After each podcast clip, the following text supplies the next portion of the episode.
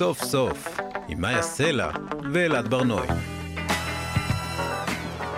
שלום, אחר צהריים טובים, אנחנו סוף סוף, מגזין סיכום השבוע של כאן תרבות, מאיה סלע ואלעד ברנועי, שמים לשבוע סוף. כל יום חמישי בחמש אחר הצהריים, ב-105.3 ו-104.9 FM. ניתן להזין לנו גם כהסכת, באתר של כאן, ביישומון של כאן, ובכל יישומוני הסכתים. אה, איתנו מפיקת התוכנית, טל ניסן, על הביצוע הטכני חן עוז. אה, אני אלעד ברנועי, ושלום מאיה סלע. שלום אלעד. פרס נובל לספרות הוכרז לפני שעה קלה, כמו שנהוג לומר. מזל טוב. כלומר, לפני שלוש שעות, אבל שעה קלה נשמע יותר יפה. הוא ניתן לסופר, המחזאי והמשורר הנורבגי, יון פוסה. עוד מעט אנחנו נדבר על זה עם המתרגמת שלו מנורבגי, דנה כספי, ועם בני ציפר, עורך מוסף תרבות וספרות של עיתון הארץ. בדרך כלל אנחנו בשנים האחרונות התרגלנו לא בדיוק לדעת, ולא תמיד אנחנו יודעים. הנה, יש לנו ספר שיצא לפני איזה שנה. הפעם זה קל, זה קל יותר. זה לא קל, אבל אנחנו לא מכירים אותו מאוד. גם להגיד את השם שלו יותר קל. יון לא, פוסה. עשו לנו חיים יותר קלים. נכון, תודה לכם. זה קל כשזה סקנדינבים, זה יותר פשוט. אנחנו מאוד מודים לכם על זה. רק נגיד שאחר כך יש לנו עוד שלל עניינים. בפינה שלנו, את מי האינטרנט צנה השבוע, אנחנו נדבר על הסמליל גייט. פרשת הספרייה הלאומית והלוגו שלה וכל מה שהלך שם, היו הרבה דרמות השבוע. אנחנו נדבר היום גם על כבוד. אה, יש את העניין הזה של כבוד, אלעד.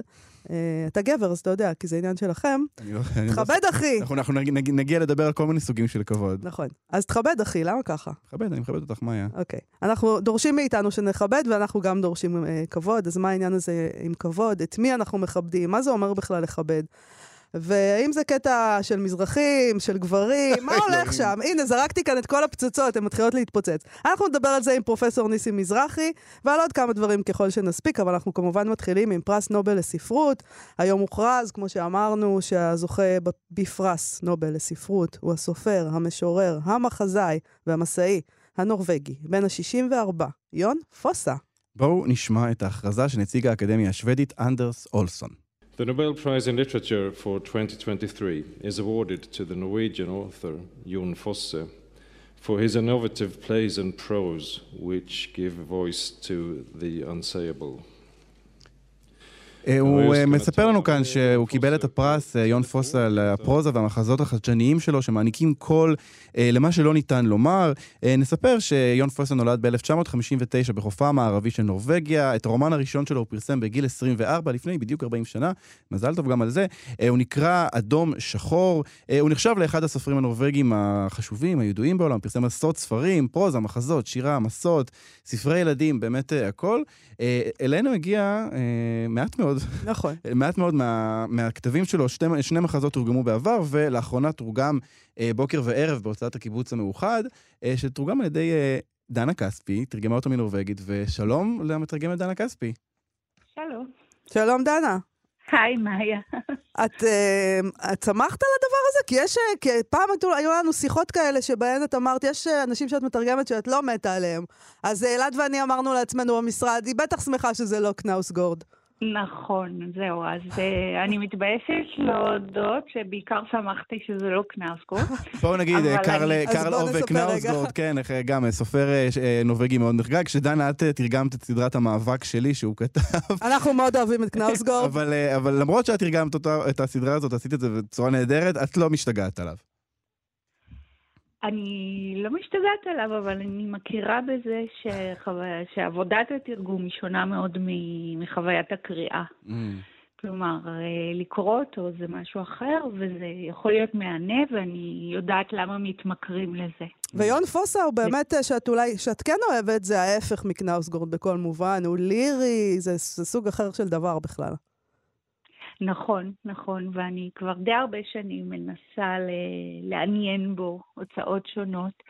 אה, לשמחתי, בקיבוץ המאוחד, כן, אה, לפחות אה, נפתחו לעניין.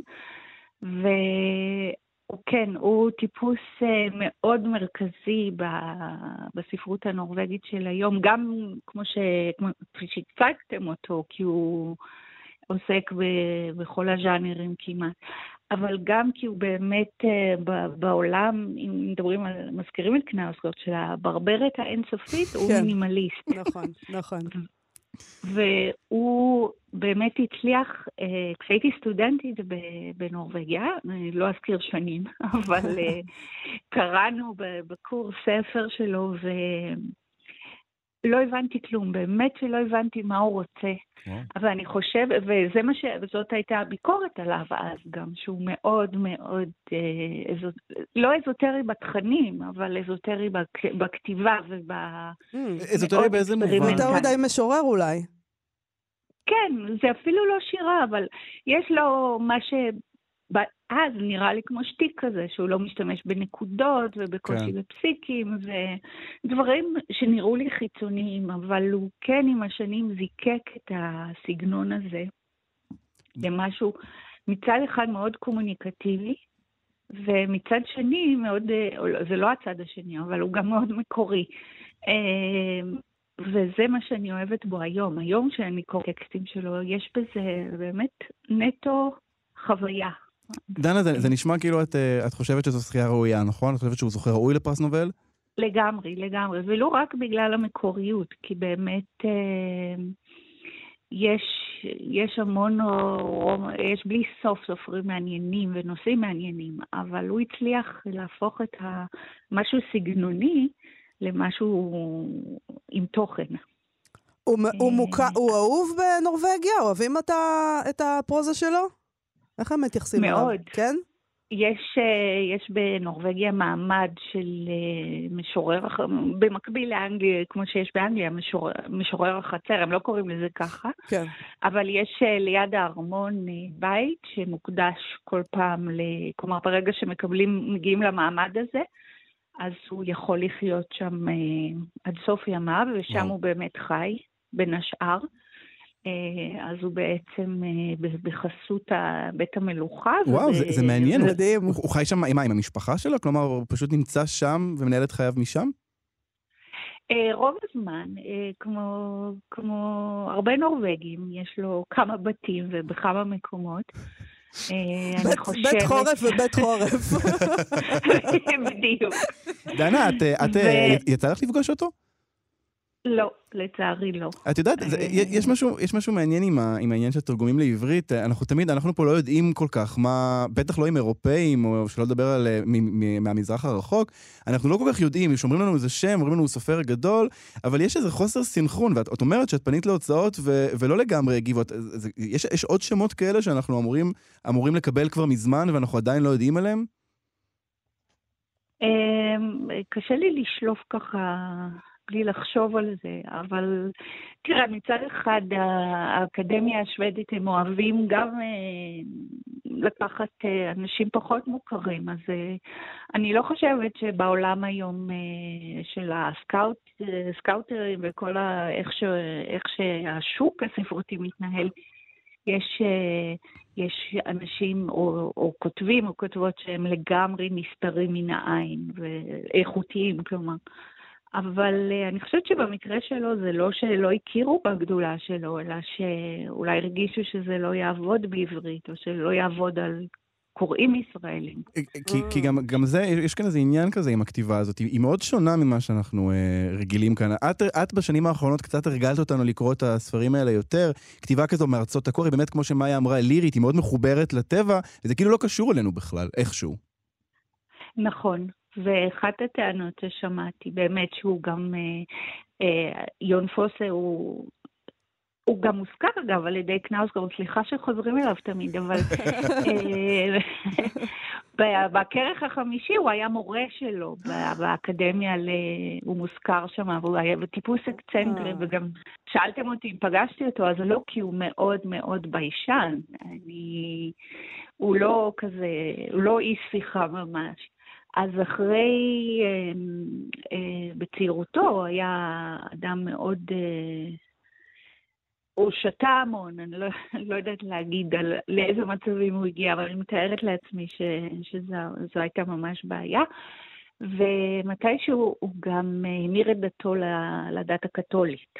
כלומר, היום הוא כותב כתיבה מתוך עמדה של אדם מאמין, בכנסייה הקתולית, וזה בא לידי ביטוי בכתיבה, וזאת עוד אחת הסיבות שאולי חשבו שזה לא מתאים. וואו, כלומר, זה, זה, זה כמו כתיבה של חוזרים בתשובה כזה? בפחות טבע ויותר אה, אלוהים? יותר מתוחכם, אבל כן, יש הרבה אלוהים או אלוהות או ניסיון אה, לחפש אה, משמעות עמוקה בדברים. כן, זה לא אז, במובן אה, שהמיסיונרי... אה, לא, אבל אולי לזה דווקא לא, כן לא. יהיה ביקוש. אה, אלוהים זהו, אלוהים זה מוצר מבוקש. בארץ? בדיוק, אלוהים אחר. בדיוק. אלוהים האחר, אבל אולי. אלוהים האחר, לא לא זה שיורקים עליו. לא. כן. לא הוא. אה, אני, אבל אני- אולי אני נקרא... חושבת ש... כן, כן, סליחה. סליחה. אולי חשבתי לקרוא אני- קצת מהספר שתרגמת, שישמעו המאזינים ותשמענה המאזינות. איך זה נשמע? אז אני פשוט אקרא אה, את הפתיחה. אה, אוקיי. עוד מים חמים אולי, אומרת אנה, המיילדת הזקנה. לא, אל תעמוד סתם בפתח המטבח, בן אדם, היא אומרת. לא, לא, אומר אולי.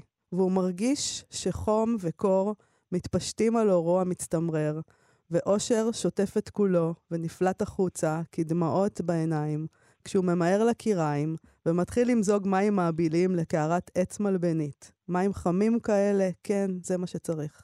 חושב אולי. והוא מוזג עוד מים חמים לקערה, והוא שומע את אנה, המיילדת, אומרת, נראה לי זה שזה מספיק. היא אומרת. ואולי נושא את עיניו ורואה שאנה, המיילדת הזקנה, עומדת לצידו, ולוקחת מידיו את הקערה.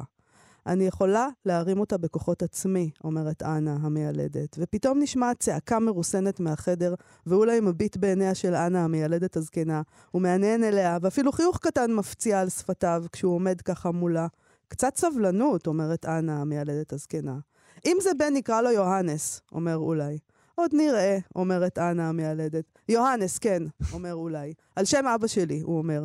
כן, אין כל פסול בשם הזה, אומרת אנה המיילדת הזקנה, ועוד צעקה נשמעת, הפעם פחות מאופקת. קצת סבלנות אולי, אומרת אנה המיילדת הזקנה. סבלנות, היא אומרת. אתה שומע מה אני אומרת? היא אומרת. סבלנות, היא אומרת.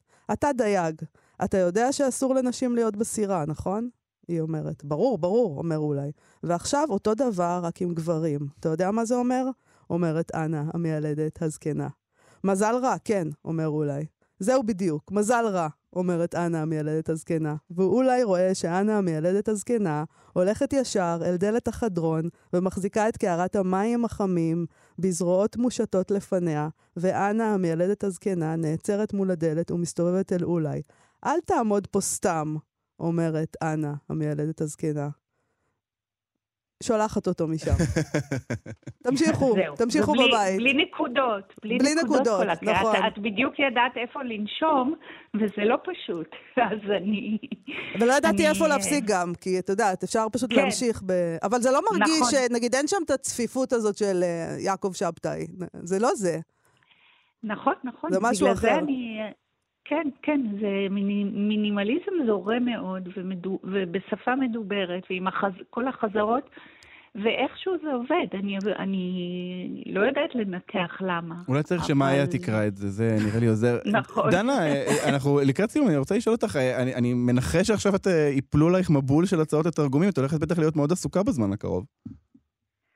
אה, תראה, מאז שהלכתי ל- לתומי לשיעור התעמלות, ואז אה, יצאתי והתחילו הטלפונים, בינתיים זה לא הצעות עבודה, אלא הצעות אה, לרעיונות ומאמרים וכו'- וכולי, ואני מקווה שזה יתבטא בהצעות עבודה, אני לא יודעת. אני לא יודעת אה, איך זה עובד, זה עוד... עוד לא קרה לי, כש... הרי בשנים האחרונות גם הנובל לרוב ניתן לאנשים מחוץ לאירופה. יש איזו נכון. מדיניות כזאת. אז לא, לא קרה לי עוד אה, ש, שתרגמתי סופר אה, זוכה נובל, אז נראה איך זה יתפתח. טוב, אנחנו מחכים בקוצר רוח. דנה נכון. כספי, תודה רבה לך על השיחה הזאת. ברכות, דנה ברכות, כספי. כן, גם לך מגיע. תודה. תודה רבה לשניכם. להתראות. תודה. סוף סוף, עם מאיה סלע ואלעד ברנועי. אלה היו הביטלס עם אה, יער נורבגי, אה, שולחים את אה, תנחומינו לארוכי מורקמי. בהחלט. כאן שנה תרבות. הבאה. כאן תרבות, אנחנו שמים לשבוע סוף, ואנחנו ממשיכים עם הזוכה בפרס נובל לספרות ין פוסה, ואיתנו על הקו עורך מוסף תרבות וספרות בעיתון הארץ, בני ציפר. שלום בני. שלום, שלום. בני, מה, מה דעתך על הזכייה? אתה קראת הספרים שלו?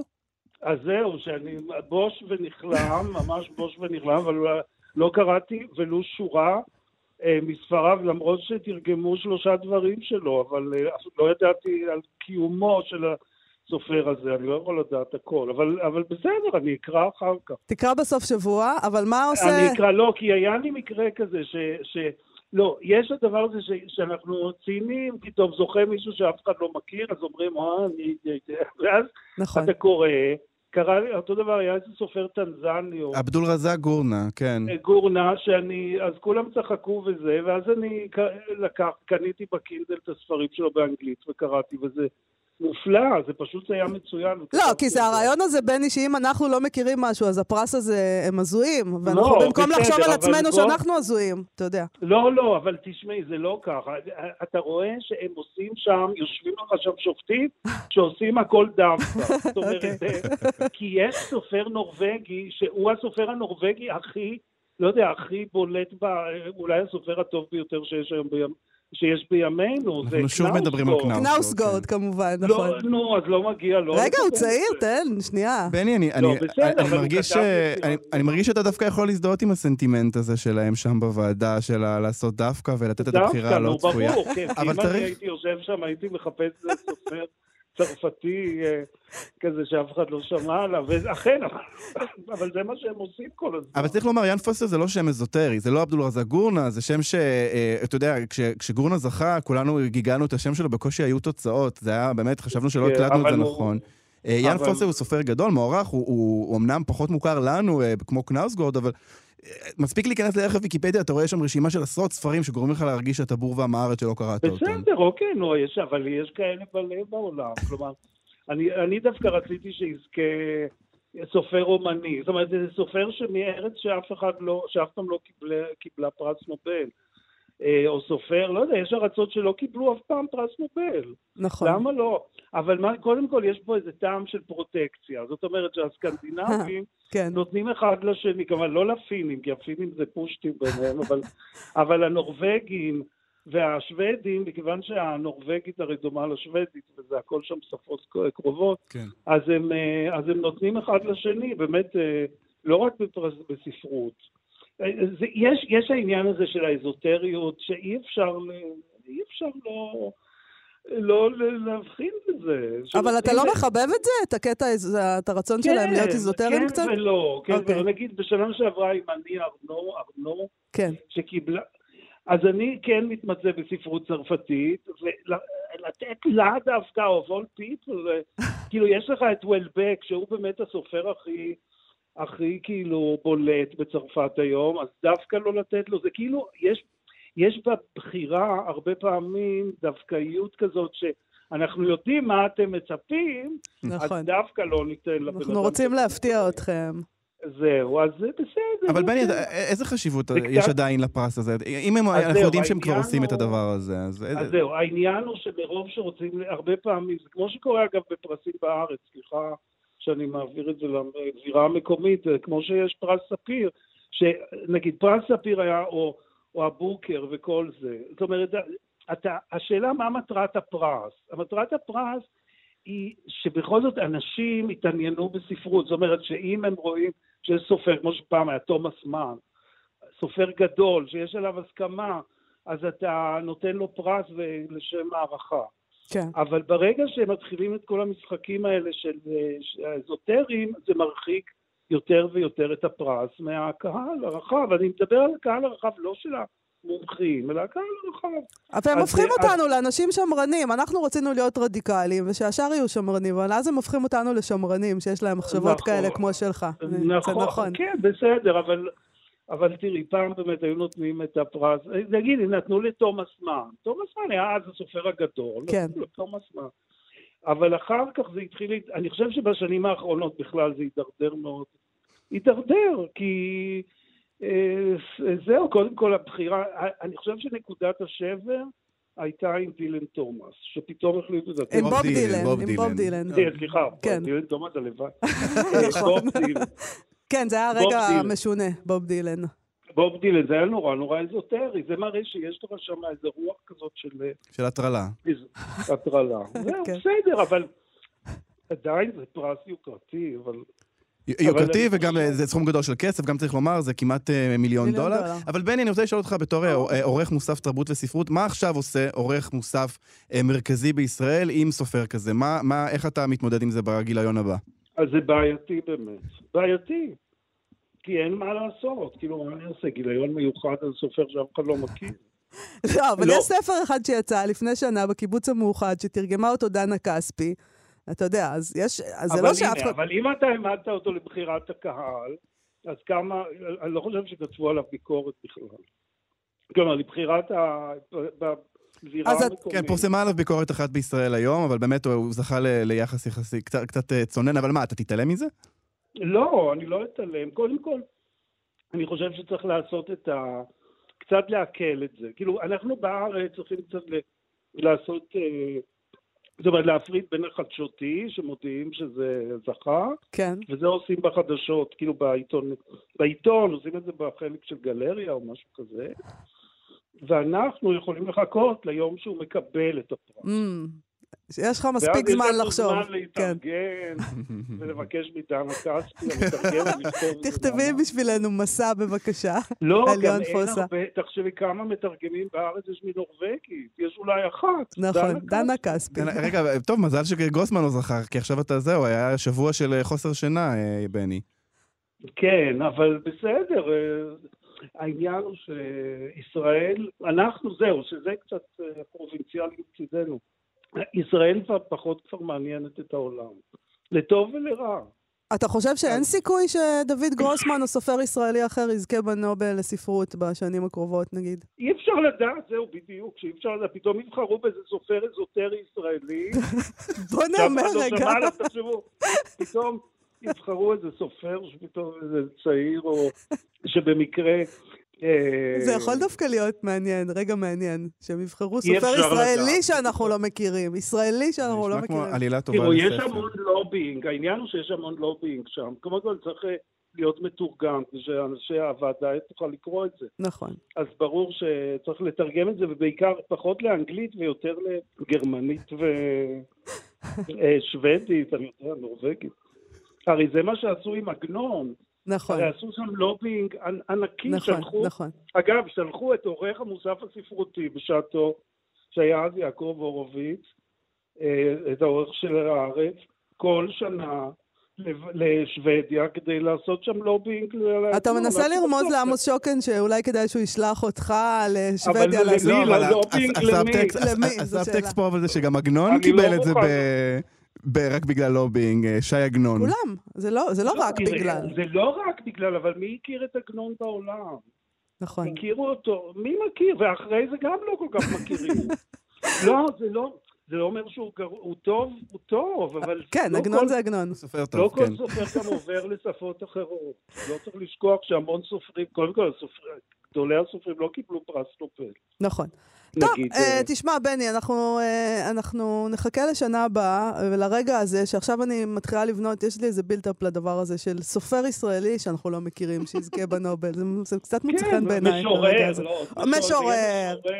יהודה ויזן יזכה בנובל. בני ציפר, עורך תרבות וספרות של עיתון הארץ, תודה רבה לך שדיברת איתנו. יאללה. תודה, בני. יאללה, ביי. שיהיה רק טוב. חג שמח. סוף סוף, עם מאיה סלע ואלעד ברנועי. זו הייתה ביונסה עם דדי uh, לסנס, גם זמרת מקסימה. חדשה? חדשה ומקסימה. אנחנו כאן תרבות, שמים סוף לשבוע, אין מה לעשות, סוף סוף. בתקופה האחרונה אנחנו מתעסקים הרבה עם כבוד אלעד. Uh, כל הזמן יש מאיתנו דרישה לכבד. או שאנחנו דורשים לכבד, תלוי אם אנחנו יכולים להרשות לעצמנו כזה דבר. והחלטנו לבדוק מה העניין הזה עם כבוד. אז שלום לפרופסור ניסים מזרחי מהמחלקה לסוציולוגיה ואנתרופולוגיה באוניברסיטת תל אביב, ועמית מחקר בכיר במכון ון ליר. שלום, שלום. שלום. מה העניין הזה שלנו עם כבוד, והאם זה נכון שאני אומרת שזה בזמן האחרון, או שזה תמיד היה, ורק עכשיו אני שמה לב? אני מניח שאת uh, מדברת על ההתגוששויות שאנחנו עדים להן במרחב הציבורי, נכון? נכון. כן, כן, תכבד, למה אתה לא מכבד, אחי? תכבד. בדיוק. אז זהו, זה נורא מעניין, כי כשאנחנו חושבים על אה, חברה הומוגנית, שבה מושג הכבוד מוסכם על כולם, כלומר יש רעיון של אה, מהו כבוד, ומהי המידה הטובה שעומדת בבסיס הכבוד, כולנו מסכימים מהו טוב, כן. מה זה טוב, אז אה, אינדיבידואל יכול באמת לבוא בת... בתלונות לגבי זה שפגעו בכבודו או פגעו בכבודה, והכללים לבירור העניין הזה הם די ברורים, כלומר זה מתרחש בתוך מסגרת מוסכמת של חברה.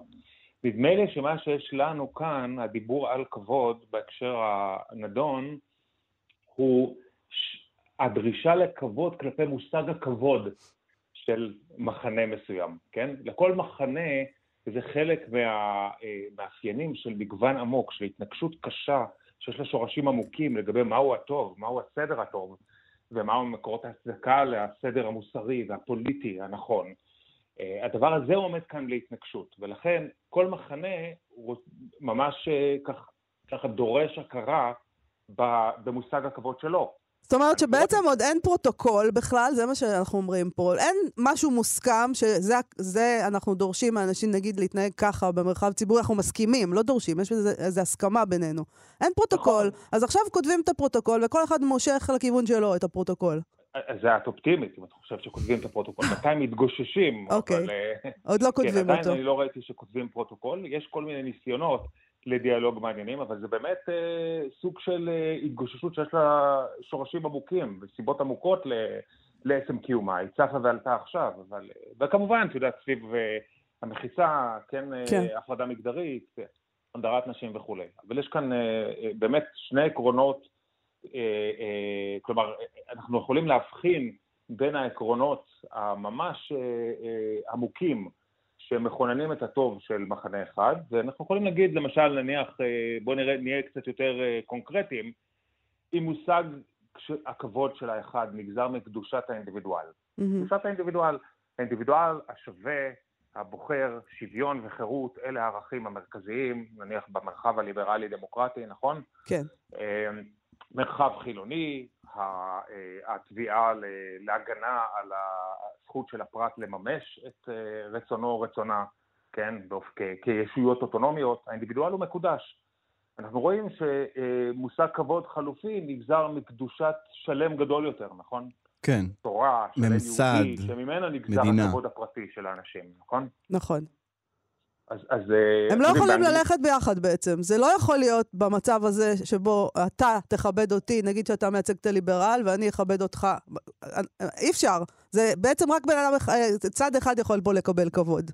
אה, כן, אבל את יודעת, זה אה, כאשר באמת אנחנו נמצאים במצב של קיטוב, כלומר במשבר זהות ואמון עמוק, כלומר אז יש פחד, פחד גדול מאוד של כל צד, נניח הצד הליברלי כרגע בתל אביב, מהאיום על הסדר המוסרי והפוליטי היחידי שבתוכו הוא יודע לחיות ורוצה לחיות וחושב שראוי לחיות בו, כן? כן? כלומר, זו מלחמה על, המ, על, על המרחב הציבורי, אה, ווייס ורסיה, כן? כלומר, וההפך. אז, אז, אה, אז עכשיו, כשאין אמון ויש, ויש, כלומר, כשיש חוסר אמון עמוק, את יודעת, אז, אז, אז מתחפרים בעמדות אה, מוסריות, מחדדים ומקצינים את הגבולות המוסריים, הצד השני הוא כולו רוע, הטוב של הצד האחד, הכבוד של הצד השני הוא ממש אה, עלבון או השפלה או הדרה. ואי אפשר לראות את זה אחרת. אבל אם את חושבת על אה, מערכות אה, חברתיות אחרות, כמו למשל משפחה, שבה יש כאילו מערכות יחסים מורכבות יותר, ונניח יש סוג כזה של הבדל, יכול להיות שנעשה מאמץ אחר להכיל את זה במסגרת, במסגרת היחסים בתוך המשפחה. כך שזה לא, הקרב הוא לא אבוד. אבל יש לי שאלה כאן אה, לגבי העניין הזה של, אה, אה, אנחנו מדברים על, אתה מדבר על ערכים, אנחנו מדברים על הדבר הזה כאיזה עניין ערכי, וכל אחד עם עולם הערכים שלו, אנחנו משרטטים כאן את הגבולות נגיד, של עד איפה אני מוכן ללכת עם עולם הערכים שלי, אבל אתה יודע, הרבה פעמים כשאומרים כבוד, אז, אז עולות גם תחושות אחרות, למשל העניין הזה של אגו, כלומר הכבוד שלי, אני בתור אדם בעולם, יש לי את הכבוד שמגיע לי, ואני חושב שאנחנו באיזושהי מידה משליכים את זה על דברים אחרים. כלומר, העניין הערכי הוא יכול להיות גם כסות לתחושה אגואיסטית כזו, או לתחושה של הכבוד הקלאסי הזה, שהרבה פעמים מדברים עליו, אתה יודע, יש את הביטוי הזה שאני לא סובל אותו, אבל אני לומר אותו, הכבוד המזרחי. הכבוד המזרחי, נכון? הרבה פעמים אומרים על גבר מזרחי, אה, אתה, יש לך את הכבוד שלך, שאתה דורש אותו, זה עניין שהוא בכלל לא קשור בערכים או במידות טובות, אלא קשור במעמד שלו, במקום שלו. כלומר, הממסד הזה שדיברנו עליו מקודם, זה הוא. נכון, אבל, אבל צריך, צריך לזכור, כאן זה הרבה פעמים ככה, הגבולות בין הפסיכולוגיה לסוציולוגיה הם חשובים. כלומר, גם האנשים הפרטיים שתובעים את עלבונם הם לא לגמרי פרטיים, כן? הם אנשים ש, שבעצם אה, מבינים את הכבוד שלהם בתוך מערכת משמעות שבתוכה הם חיו, בתוך חברה נתונה, נכון? כלומר, הם לא סתם, כלומר, גם אדם שרוצה, נניח, אה, שנורא נעלב, כי לא נותנים לו לממש את עצמו, כן? אז, אז ברור שהוא נטוע בתוך עולם מסוים, שמימוש עצמי זה מאוד חשוב, ולכן הוא נעלב מזה. כלומר, זה גם ערכי. בוודאי, כלומר, ערכי ונטוע בתוך, בתוך רקמה חברתית חיה ונושמת. זה לא, אנשים, אנשים כאינדיבידואלים לא ממציאים את זה.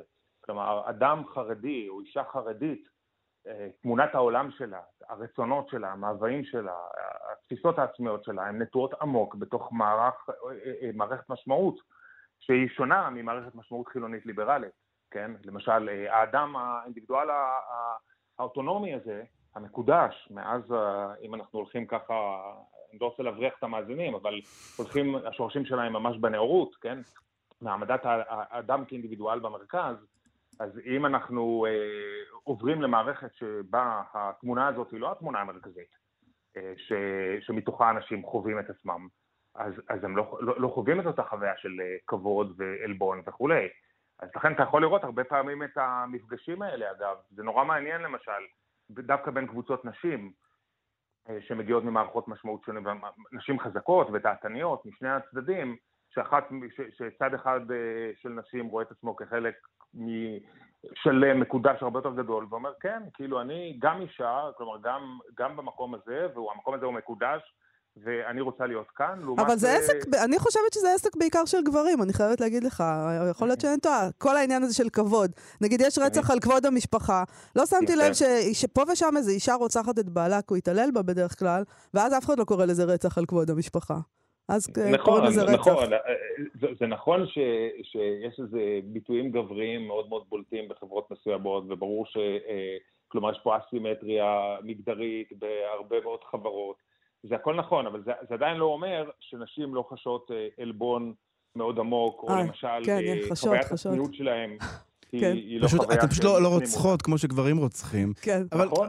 אה, כן. פרופסור מזרח, יש לי שאלה, כי אה, יש כן. איזה, אה, אתה מדבר ואני רואה איך העניין הזה של המילה לכבד או מכובד, יש לה, יש בה כבר איזשהו שיפוט ערכי מלכתחילה. אני אסביר את עצמי, שאם עכשיו אני אראה אדם הולך ברחוב לבוש בבגדים חשופים, אז אני יכול להגיד, וואו, ההתנהגות שלו לא מכובדת. זה לא מכובד, כי אנחנו רגילים לאיזה משהו יותר מכובד, לאיזה מין לבוש כזה עם חליפה וזה, ואז אם אני מסתכל על השיפוט הזה, אז, אז נטיית הלב שלי אומרת, הצד השמרני הוא זה שמכוון למקומות יותר מכובדים, זה יותר מכובד מאשר הצד הליברלי, שההתנהגות שלו היא כאילו, על פי ההגדרה הקלאסית, המסורתית, אני אגיד, של המילה, היא פחות מכובדת. זה נורא מעניין, אתה יודע שבאנגלית יש כמה מילים למילה כבוד, כמה משמעויות למילה כבוד, למשל, אחת מהן זה honor, dignity, mm. כן, אבל, אבל גם respect, כן? וגלורי, יש כל מיני מילים, ויש להם משמעויות, וחשוב לעמוד על המשמעות של, של ההבחנות האלה, כי באמת אונר זה סוג של כבוד היררכי. כבוד שבעצם אומר, יש אנשים עם יותר כבוד ופחות כבוד, ויש פה היררכיה בתוך הספירה הציבורית, וזה לא, לא נאה לאדם אה, במעמד כזה להתהלך ולהיראות כך וכך. אמ, אבל גם, ולעומת אה, אה, למשל מושג הדיגניטי, שהוא מושג שבעצם נורא בנוי על האינדיבידואל האוטונומי, זה המושג שעומד ביסוד זכויות האדם. כולם, כולם שווים, זה מאוד רזה, אבל כבוד האדם הבסיסי הזה, מושג רצוי שכל אחד, לא משנה איפה הוא חי, אה, הכבוד שלו לא נגזר מאותה היררכיה מקומית של החברה שבה הוא או היא חיים. אבל אם אני חוזר ל, ל, לשאלה שלך, אז זה באמת... זה באמת מעניין, כי הרבה פעמים ליברלים, חילוניים ופרוגרסיביים, חושבים שאיך שהם מדמיינים את הסדר, כולל איך שהם מדמיינים את הספירה הציבורית, כן? את הספירה הציבורית, את המרחב הציבורי, זה ניטרלי. כל מי שנכנס לשם הוא מפריע לסדר הזה. זה כמו אשכנזים, זה ניטרלי. יפה, את אומרת יש חפיפה מסוימת. אוקיי. מסוימת. כן. אבל זה מעניין, כי זה ששלוש המילים האלה הן אותו דבר בעברית, honor, dignity ו-respect, וכולם זה כבוד, זה כבר מפיל איזה משקל על המילה הזאת, שזה אומר לנו מה זה כבוד. כלומר, תדעו שבשביל להיות honorable, אתם צריכים להיות עם dignity. כלומר, אתם צריכים להיות respectful, זה איזה מין... כן. אין לנו פה יותר חופש תנועה בתוך הדבר הזה, כמו שיש עם אנגלית, אנחנו צריכים להתנהל לפי ההגדרה המסורתית של מה זה מכובד. אפרופו שפה, אתה יודע, השורש של כבוד בעברית זה כבוד, כבד, נכון? וזה לא מקרי. זה כלומר התחושה הזאת שאתה כבד ומלא, זה כמעט מרמז לסוג של honor. אגב, גם האיבר הפנימי, כבד, mm. שהוא הכבד הכבד ביותר. עברית מגלה לנו הרבה דברים מעניינים כן. על החיבור הזה. אז, אז כן, אז כבוד, כבוד וכבד, כן, אתה מלא, מעצ...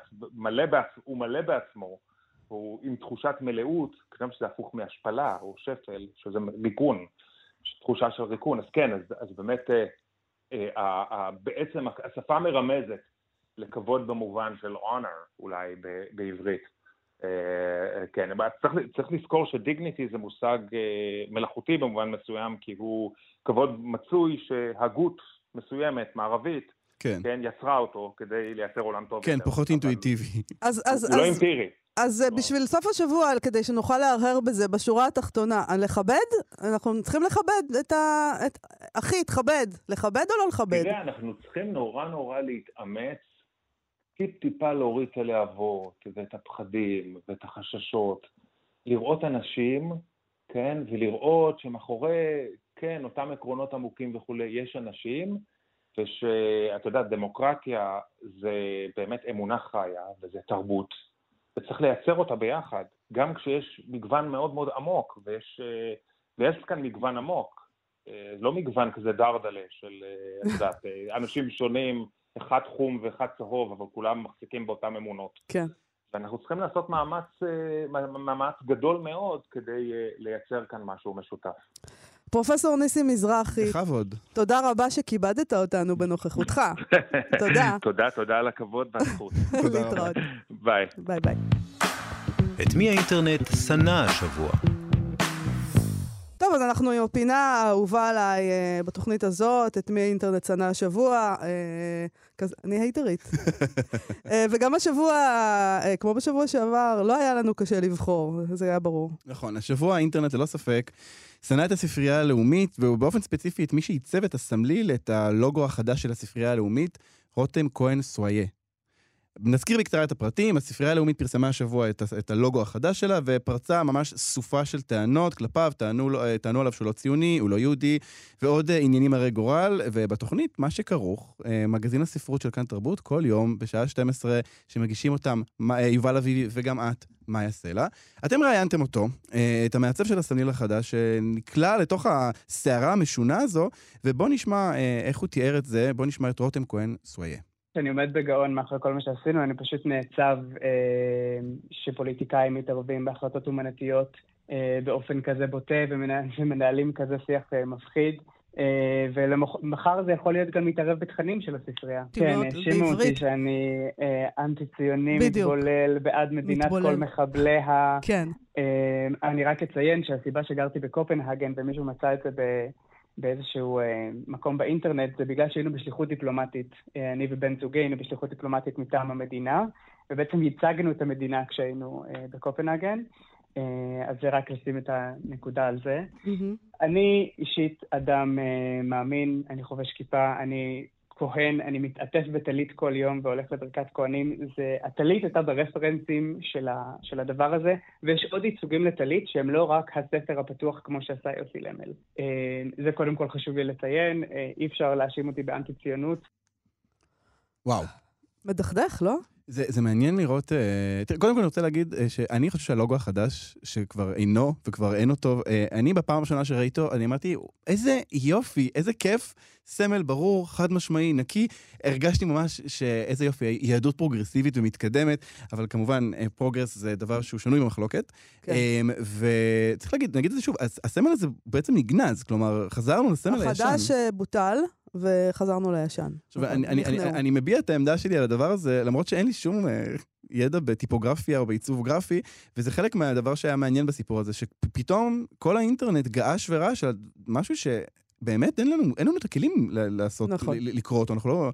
ו, וגם גם הקולות שהיו פחות, אה, אה, את יודעת, חזקים ועמדה נוקבת נגד, הם אמרו, במקום להגיד, טוב, זו ההחלטה שהגוף הזה קיבל, יש לה חזון עיצובי, אני אולי לא אוהב את זה, וזה לא רלוונטי, לא, אנשים כתבו, אומנם אה, לא הסכמתי עם העליהום שהיה כלפי הסמל, אבל עשו בשכל הספרייה הלאומית. אמ, אני חושב שגם מעניין מהרעיון שלו אצלכם היה זה שלראות איך, אה, איך אה, מגיב אדם תחת מתקפה, מה הוא צריך לומר כדי להגן על עצמו. הוא אמר, היינו בשליחות דיפלומטית, אני ובן זוג שלי. כבר מביא לזה משהו באמת ממלכתי כזה. הצגנו את המדינה, אני אדם מאמין, אני חובש כיפה, אני כהן, אני מתעטף בטלית כל יום, הולך לברכת, לברכת כהנים, אי אפשר להאשים אותי באנטי-ציונות. יש בזה משהו באמת קצת שובר לב.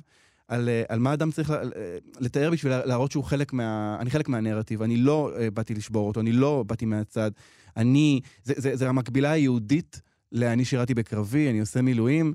אה, אנחנו צריכים. כאילו, אנחנו מרגישים שכדי להגן על עצמנו, אנחנו צריכים להגיד כל מיני דברים אה, מהסוג הזה היום, בשיח שמתקיים. כן. אה, אבא שלי היה באצ"ל, והבת שלי התחתנה עם מרוקאי, וכל מיני דברים כאלה, כדי שלא יחשבו עלינו כל מיני דברים. כן, כלומר... והדבר הזה שהוא אמר, מין, נתן את התעודת זהות שלו בעצם. Uh, כדי שאנחנו נראה שהוא לא בוגד, וואו. שהוא לא כל הדברים הנוראים האלה שאמרו עליו. הוא סיפר לנו בריאיון שאמרו עליו דברים נוראים, והוא קיבל הודעות נוראיות, וההורים שלו קיבלו הודעות נאצה. על מה? אבל זה לוגו. אבל כבר הפכו את הלוגו הזה, שמו עליו כל כך הרבה משמעות, אז... תארי לעצמך שהבן אדם שהיה מעצב את הלוגו הזה לא היה אה, כהן, ולא היה מאמין, ולא היה מתעטף בטלית. מה, מה, היה, מה הוא היה אומר? שאגב, אני, יש, אני לא כהנת. כמה מחבריי הטובים ביותר. בדיוק, זה לא, אז מה? אז תראה כמה, כמה שטרות יש לו, שהוא צריך לפרוע אותם עכשיו, כדי שיראו. עכשיו, אם, אם אין לי את השטרות האלה, ואין לי למשל, אני בבעיה. אני בבעיה. סוף סוף, עם מאיה סלע ואלעד ברנועי. טוב, אה, מאיה, אה, השבוע אנחנו שמים סוף לא רק לשבוע, אלא גם לחול המועד אה, סוכות. אה, שמת לב, אגב, שסוכות זה החג עם הכי פחות אשמה וטבח והרס, כזה קישוטים ופירות וירקות. וחמוד כזה, יושבים בסוכה, כן. חג לליברלים. Mm-hmm. טוב, אז אה, הסוכות הזה העלה כל מיני, אה, כל מיני דברים. היה דיבור על האתרוג הזה של אריה דרעי, שהוא רכש אותו ב-500 דולר במזומן לכאורה. 5,000. 5,000 דולר, סליחה, לכאורה, ואז הוא אמר שהוא התבדח. אבל אני רוצה שאנחנו נדבר על מנהג אחר של החג, אושפיזין. שבעה אורחים שמציינים את שבעת הצדיקים שעל פי ספר הזוהר מתארחים בסוכתו של כל יהודי. מי הם? אברהם, יצחק, יעקב, יוסף, משה, אהרון ודוד. זו רשימה טובה, הייתי שמח לארח את כולם אצלי בסוכה, אבל גם קצת צפויה, נכון? יש פה כאילו שמות ה... כאילו הכי הראשונים. צפויה? כאילו לא, תארי לך זה אבותינו. אלעד, מה זאת אומרת צפויה? מה אתה רוצה, שביונסה תתארח עכשיו? לא הבנתי. את יודעת מה, אפילו בתנ"ך יש דמויות, את יודעת, תארי לך שאשת לוט הייתה באה לסוכה, או mm. לוט. או חוגלה. למה צריך ללכת על ה basic? חוגלה. חוגלה. חוגלה. כן, גם היא, גם היא מהתנ"ך. מה, למה תמיד, למה תמיד אהרון ודוד? סליחה, אני הייתי מאוד רוצה לשבת עם דוד המלך. טוב, אז אני יכול להגיד לך שאצלנו בתחנה נדב אלפרין של, אה, שלנו אירח בתוכנית שלו אש זרה. היא משודרת אצלנו כל יום בשעה שבע, והוא אירח אה, אושפיזין משלו, ותני לי להגיד לך, האושפיזין שלו זה לא משה, אהרון, דוד ויעקב, אוקיי? בואי אני אתן לך את השמות. חוקר התלמוד, פרופסור יאיר פורסטנברג, המשוררת בכל סרלואי, דוקטור מלילה הלנר אשד, תראי, כל שם שם, מה זה משה, דוד, יוסי, את מבינה? גם עם אה, משה רבנו אני מוכנה לשבת. רק חוגלה הייתה חסרה. טוב, אני רוצה שנשמע קטע מתוך התוכנית שלי, פרופסור אביגדור שינן. אה, מדברים שם על אה, מעשייה מהמשנה, על ינאי הכהן, עוד כהן, mm-hmm. שביזה את עבודת הכהן הגדול, שפך, את, שפך על הרגליים שלו מים מול כולם, לא ניכנס לפרטים, אבל זה דבר מאוד מזעזע בתקופתו. אבל מה שיותר מעניין, זה התגובה שהגיעה, העונש שהגיע על מה שהוא עשה. ארבע מילים אומרת המשנה. פעם ניסח, סליחה, פעם ניסח אחד על גבי רגליו, ורגמוהו כל העם באתרוגיהן. תראה את העניין הזה, לא יודע כמה אנשים נכנסו לבית המקדש, ודאי מאות יכול היה להכיל על פי גודלו. ולפתע מתח אתרוגים, אותו, אותו צמח שמשמש לתפקידים של קדושה, נטילת לולב יום יום וכולי, העם בכעסו גיריו משליך את אתרוגיו באכזריות גדולה ככה אני מפרש, על אותו כהן. יש פרשנים שטוענים שהוא מת מן הדבר הזה, למרות שאין לזה ממש יסוד במקורות, אבל יש מקורות שמספרים שעל ידי כך נפגם, נפגמה קרנו של המזבח. כלומר, כמות האתרוקים הייתה גדולה, והעוצמה של ההשלכה מבטאת את הזעם הגדול של העם, וכמובן אתרוג יכול להיות גם כלי נשק. הם רגמו אותו באתרוגים, מה היה? בזמן סוכות הם לקחו אתרוגים ורגמו אותו, לפי חלק מהפרשנויות הוא גם מת. הוא נהרג מהדבר הזה. כן, אם היו זורקים עליך הרבה אתרוגים, בחמת זעם, אז זה אתרוג, זה פרי הדר, זה, זה כואב. לא, אבל כאילו תחשבי שהם לוקחים את הפרי שהוא כזה הכי גם טעם וגם ריח, כלומר, הדבר הכי מקודש, וזורקים על זה בחירה, מה זה, זה, זה פואטי זה? אני לא יודעת מאוד, אני חושבת שזה נורא יפה להרוג מישהו עם הפרי המקודש, עם הקודש, כי זה לא סתם להרוג, זה לא אנשים שהם סתם ברברים רצחניים שהתחשק להם עכשיו לרצוח, זה אנשים שאומרים, אתה מתחזה לקדוש, וואו. אבל אתה מבזה את הקדוש, ואנחנו מגנים על הקדוש. וואו. והם עושים את זה באמצעות האתרוג, אז יש בזה משהו, כן, את יודעת, פואטי. זה, זה יפה גם לקחת, הרי כשאתה רוצה לפגוע במישהו באמת, אז לא מספיק סתם לזרוק עליו קללות, אה, את יודעת, בלי מחשבה. צריך לקחת משהו אמיתי, מתוך הדבר עצמו, עם טעם ועם ריח, כלומר, משהו מהחיים שלו, ולהטיח את זה בפנים, ואז זה באמת כואב. אני חושב, יש אמירה כזאת, על זה שאין רוע בתוך הרוע. אה, אני חושב שאין קודש בתוך הקודש. כלומר, כשאת נמצאת כבר בבית המקדש, במזבח, אה, הכל קדוש, מה זה, מה תזרקי? נכון. גם אבן שתהיה שם תהיה קדושה, את נכון, מבינה? אז נכון. זה, זה, לקחו אתרוג. שמחתי להסגביר. טוב, סוף סוף אה, הפינה האהובה עליי. שמחתי להסגביר. בכל פינה אני מסגביר לך על תופעה או על משהו שלא יודעת לגביו, כי אני רוצה שתלמדי מה היה.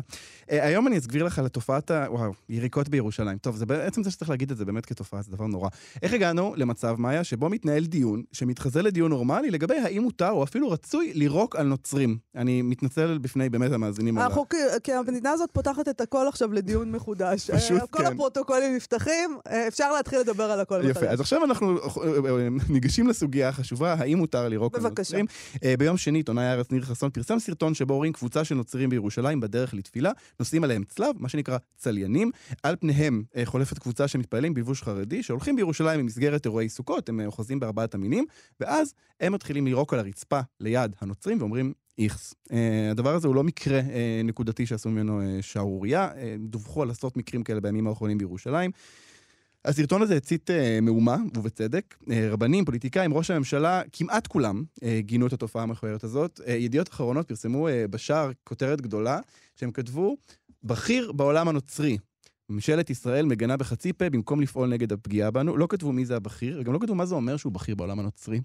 ואני תוהה, ראש כאילו, ממשלת הנוצרים? כלומר, אם זה לא האפיפיור, אולי זה אפיפיור. כאילו, ומי זה בכיר בעולם היהודי? נגיד, אני בכיר בעולם היהודי? לא. או שזה צריך להיות מרק צוקרברג? כן. כלומר, אני רוצה להבין מה... מה גורם זה- מדיני בכיר זה ראש הממשלה, לא? אבל אין- מדינה לנוצרים, מה היה? כן. אבל לא. אם-. אם אומרים גורם אה, נוצרי בכיר, אה, אנחנו עם האפיפיור? כן, האפיפיור. אז זה כנראה היה האפיפיור. אוקיי. טוב, אם הוא אומר, צריך להקשיב. בכל מקרה, אה, כמובן שגם זה, אפילו זה צריך להפוך למחלוקת, הדבר הבאמת מכוער הזה שקרה. כלומר, צריך לציית עכשיו האם זה... את בעד או נגד? אז פעיל הימין, שמכונה הקמב"ץ של הגבעות, אלישע ירד, צייץ כך ברשת X, שפעם קראו לה טוויטר. זמן טוב להזכיר שהמנהג לירוק, לירוק ליד כמרים או כנסיות הוא מנהג יהודי עתיק ורב שנים, ויש בהלכה אפילו ברכה מיוחדת כשרואים כנסייה שנתן ערך אפיים לעוברי רצונו, ברכה שבאה להלל את הקדוש ברוך הוא שמבליג על מעשיהם הרעים של עובדי העבודה הזרה, ולא מעניש אותם באופן מיידי. אולי בהשפעת התרבות המערבית קצת שכחנו מהי הנצרות, אבל דומני שמיליוני היהודים שעברו בגלות מסעות צלב, עינויי אינקוויזיציה, עלילות דם ופוגרומים המוניים, לעולם לא ישכחו. הנה מה שכתב הרב קוק בספרו ערפילי תואר על בתי התפילה הנוצרים בעירו. בילדותי הייתי מרגיש סירחון של בית הכיסא מבתי התפילות של הגויים, אף על פי שלכאורה היו נקיים מאוד, ועמדו בתוך גן של עצים נטועים. Um, עכשיו, הציוץ הזה הוא פילג כזה את, ה, את, ה, את הטוויטר ואת הרשתות, ובכלל את, את כל מי שיש לו דעה uh, לגבי משהו בעולם. הרוב המוחלט התנער מהפרשנות הזו של uh, אלישע ירד לגבי, לגבי זה שמדובר במנהג uh, יהודי עתיק. גם עיתונאי ערוץ 12, עמית סגל, התנגד נחרצות לפרשנות הזאת, הוא כתב ככה: מה לאנשים נורמליים ולפיגור השנאה הזה? מדובר בבור ועם הארץ, שאיננו מכיר את השתתפותו של הרב קוק בלוויות של כמרים אנגליקנים, את חילופי האגרות איתם, ובעיקר, ילד מגודל שלא הקים מעולם מחסום בין הבטן לפה. אני רוצה שנזכור את הביטוי הזה. Uh, עכשיו, uh, מה שקרה זה שאנשים התחילו לצטט uh, מהמקורות, כדי להגיד האם זה כן נכון או לא נכון, האם כן זה מנהג או לא מנהג. ציטוט אחד היה, כי ביתי ייקרא תפילה, בית תפילה לכל העמים, ישעיהו, לומר שכל בית תפילה הוא קדוש ואנחנו צריכים לכבד אותו. מנגד, כתבו, שקט תשקצנו ותאב תתעבנו, שזה מספר דברים בנוגע לעבודה זרה. זה ויכוח פנימי היה בעיקר, של, בציונות הדתית, לא?